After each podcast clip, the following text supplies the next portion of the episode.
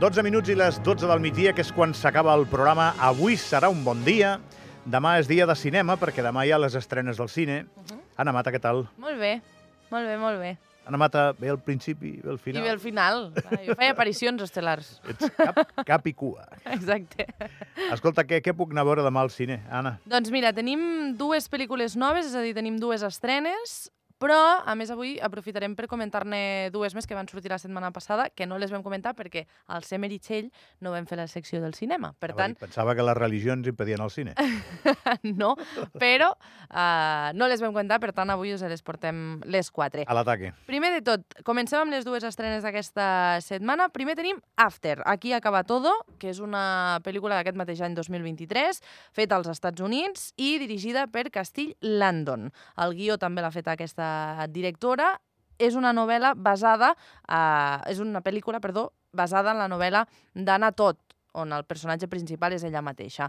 Entre el repartiment tenim, eh, tenim a Hero Fins, eh, també Josephine Langford, Louis Lombard, Stephen Moyer, molts més, Benjamin Mascolo, entre altres, doncs, que formen part d'aquest repartiment i eh, és una pel·lícula, un drama, una mica d'amor també, un romans, Young Adult, tal com ho anomenen ells, és a dir, una pel·lícula mm, que fa referència doncs, al que seria l'adolescència, una mica doncs, Ah. tenint en compte doncs, aquest inici de la vida adulta, i és una seqüela. Si et sembla, anem a fer una repassada a la sinopsi i després escoltem el tràiler. Endavant. La sinopsi el que diu és que el Hardin eh, continua lluitant per seguir endavant. Ha estat avalat pel bloqueig de l'escriptor, perquè és escriptor, i també eh, una ruptura que va tenir amb la Tessa, que era la, la seva parella. Hardin viatja a Portugal a la recerca d'una dona a la qual va fer mal en el passat, és a dir, la seva ex, val? i per trobar-se també a si mateix, és a dir, és una mica un viatge astral, podríem dir-ho d'alguna manera, primer per trobar-se a si mateix i després per trobar a la ex, no? Amb l'esperança de recuperar la Tessa, s'adona doncs, que necessita canviar la seva manera de ser abans de poder comprometre's definitivament. I ara, si et sembla, Gavi, anem a veure el tràiler. Vinga.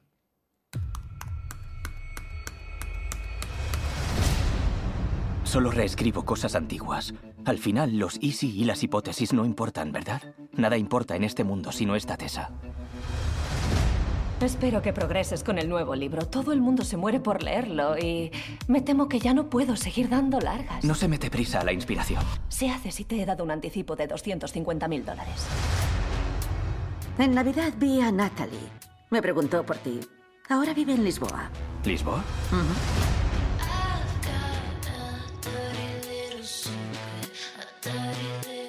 Torna'm a dir el títol de la pel·lícula, si us plau. After, aquí acaba todo. O, Molt bé. si la voleu saber en anglès, After Everything, que també és la versió original. Igual està millor el títol en anglès, sempre passa, eh? Sempre passa, sempre After everything ja ho tens tot, no? I tant, sí, sí. Després de tot, quin problema hi havia?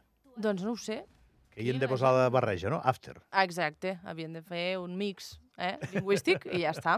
Hi ha, hi ha un, una, tota una categoria de pel·lícules traduïdes de manera molt creativa Ai, són magnífiques. quan estrenen, no, vull dir quan no, quan estrenen la pel·li en castellà o en Mm. català, que els hi posen uns noms que dius... Que no té res a veure amb, la, Amb amb, el títol original, sí, sí. ja és podem així. fer un, un, un estudi d'això. Vinga, va.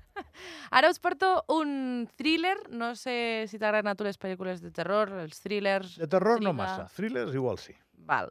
Doncs us porto Misterio en Venècia, que és l'altra de les estrenes d'aquesta sí. setmana, també d'aquest any 2023, té una durada d'uns 103 minuts aproximadament, també està fet als Estats Units, i entre el repartiment veiem el director, Kenneth Branagh, i també Michelle Yeoh, uh, Jamie Dornan, Tina Fey i molts altres. Aquests són molt famosos tots. Sí, la veritat és que sí. A banda, com dèiem, el gènere intriga, thriller, terror, crims... No crims de, Per de què Carles matem? Porta, per què però... matem, Anna Mata? Per què? Doncs mira, no ho sé, perquè és un pecat capital, però la, gent, mata, ho fa. Sí. La gent mata, com tu. Exacte. Uh, ens n'anem fins als anys 40, val? ens situem a la Venècia posterior a la Segona Guerra Mundial i el protagonista, uh, Poirot, ara retirat i vivint en el seu propi exili, assisteix a contracor a una sessió d'espiritisme. Hércules Poirot. El protagonista Exacte. de les novel·les d'Agatha Christie.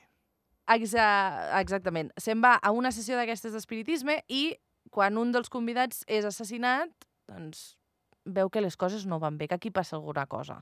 Per tant, intenta dependre d'ell mateix i se'n va a veure a l'exdetectiu per descobrir una vegada més qui és l'assassí. Molt bé. Val? Qui fa de Poirot? El Kenneth Branagh? Sí, Molt bé. efectivament. Va, serà un Sí, bon sí. Poirot. Doncs, si et sembla, ara sí, anem a escoltar el tràiler. Em sembla, Eh? i molt. Vinga. Hercule Poirot, he encontrado algo. Lo he analizado bien. Soy la persona más lista que conozco y no logro descifrarlo. Por eso he acudido a la segunda. Estás tramando algo, amiga mía. He visto un montón de videntes y todos son una farsa. No creo en la evidencia. Ven a una sesión conmigo, descubre el engaño por mí. Detective, ha venido a desacreditarme. Pero puedo hablar con los muertos. Daría todo lo que tengo por oír la voz de mi hija. Si alguien quiere ser escuchado, estamos aquí. Atentos.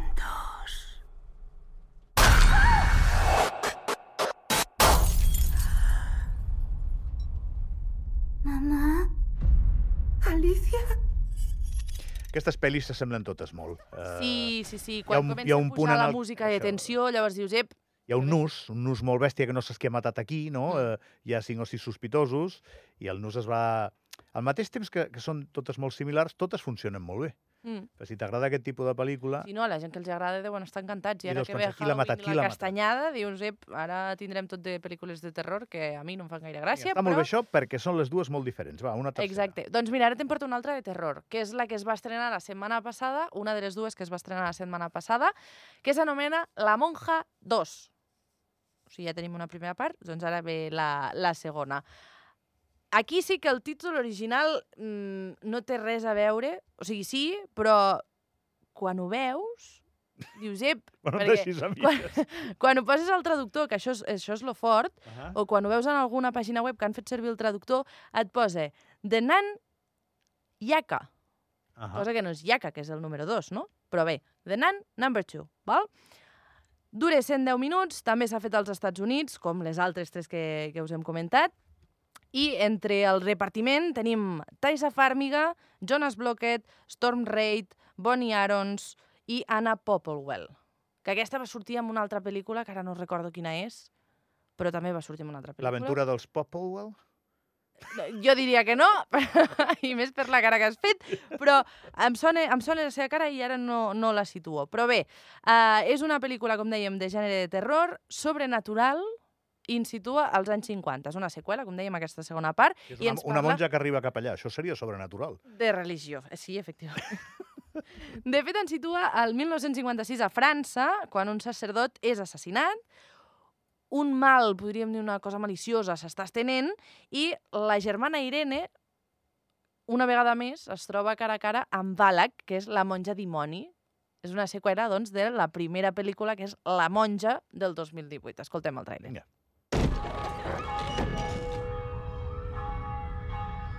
Aquí pasa algo. Noto cosas raras.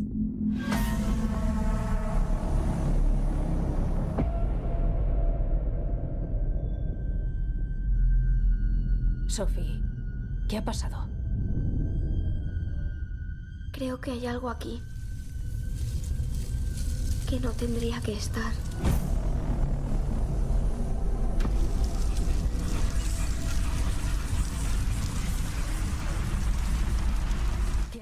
Ara mateix, Anna, per culpa teva, no sé si podré anar per llocs que no hi hagi massa gent tot el dia per aquest tràiler.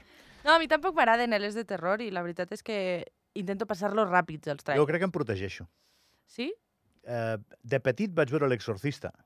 Bueno, de petit no, no de ser petit, però era jovenet i, i no va anar bé. No, clar que no, com ha d'anar bé, l'exorcista. No, i una pel·li, una pel·li que es deia La profecia, Ah, aquesta l'he sentit també i no... que també són del jo dimoni no, no i- puc, no puc. i pel que Jo- sigui em feia molt, molt de canguelis. Em, Vinga. em superen aquestes Ens coses. queda una pel·li. Va, us, ens queda una pel·lícula que és Creatura, que aquesta em, em fa especial il·lusió perquè és una pel·lícula en català Ah, que buscava el tràiler i pensava, dic, no surt amb quin idioma està, no? I al veure el vaig veure que era en català i em va fer molta il·lusió. És una pel·lícula de 112 minuts, feta, doncs, com dèiem, a, Espanya, dirigida per Helena Martín, que també està dins el repartiment, Oriol Pla i també, entre altres, Clara Segura, i en aquest cas parlem d'un drama, ens parlen de sexualitat i també de pornografia. Si et sembla, com que tenim poc temps, anem directament al tràiler. Va. Vinga. Cara fas broma. Tan guapo.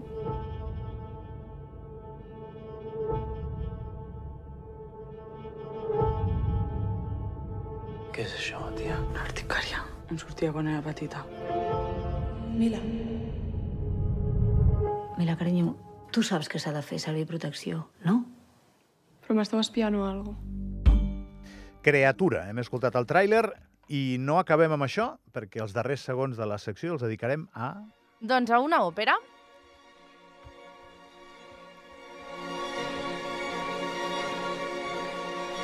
Us parlem de l'Oro del Rin, perquè la Royal Opera House sabem que de tant en tant doncs, fan directes al cinema. Doncs eh, aquesta setmana vinent, dimecres dia 20, al un quart de nou del vespre, tindrem l'oportunitat de veure aquesta Oro del Rin, que eh, ens expliquen una història doncs, que es va estrenar al Teatre Nacional de Múnich el 22 de setembre del 1869, és a dir, fa uns quants anyets, i Wagner volia que aquesta òpera s'estrenés com a part de tot el cicle, però es va veure obligat a permetre l'actuació davant la insistència del seu protector, el rei Lluís II, II de, de Baviera. Un treball que va ser realitzat per primera vegada com a part del cicle complet el 13 d'agost del 1876 al, en un d'aquests festivals. Tot i això, eh, com dèiem, eh, aquesta obra que es podrà veure en directe dimecres, dia 20, a un quart de nou del vespre. Anna, moltes gràcies. Gràcies a tu, Gavi. Avui ha estat un gran dia, gràcies a Anna Mata i a molta gent. Anna Mata, Ricard Porcuna, Thierry Morat, Àlex Moldes a la producció.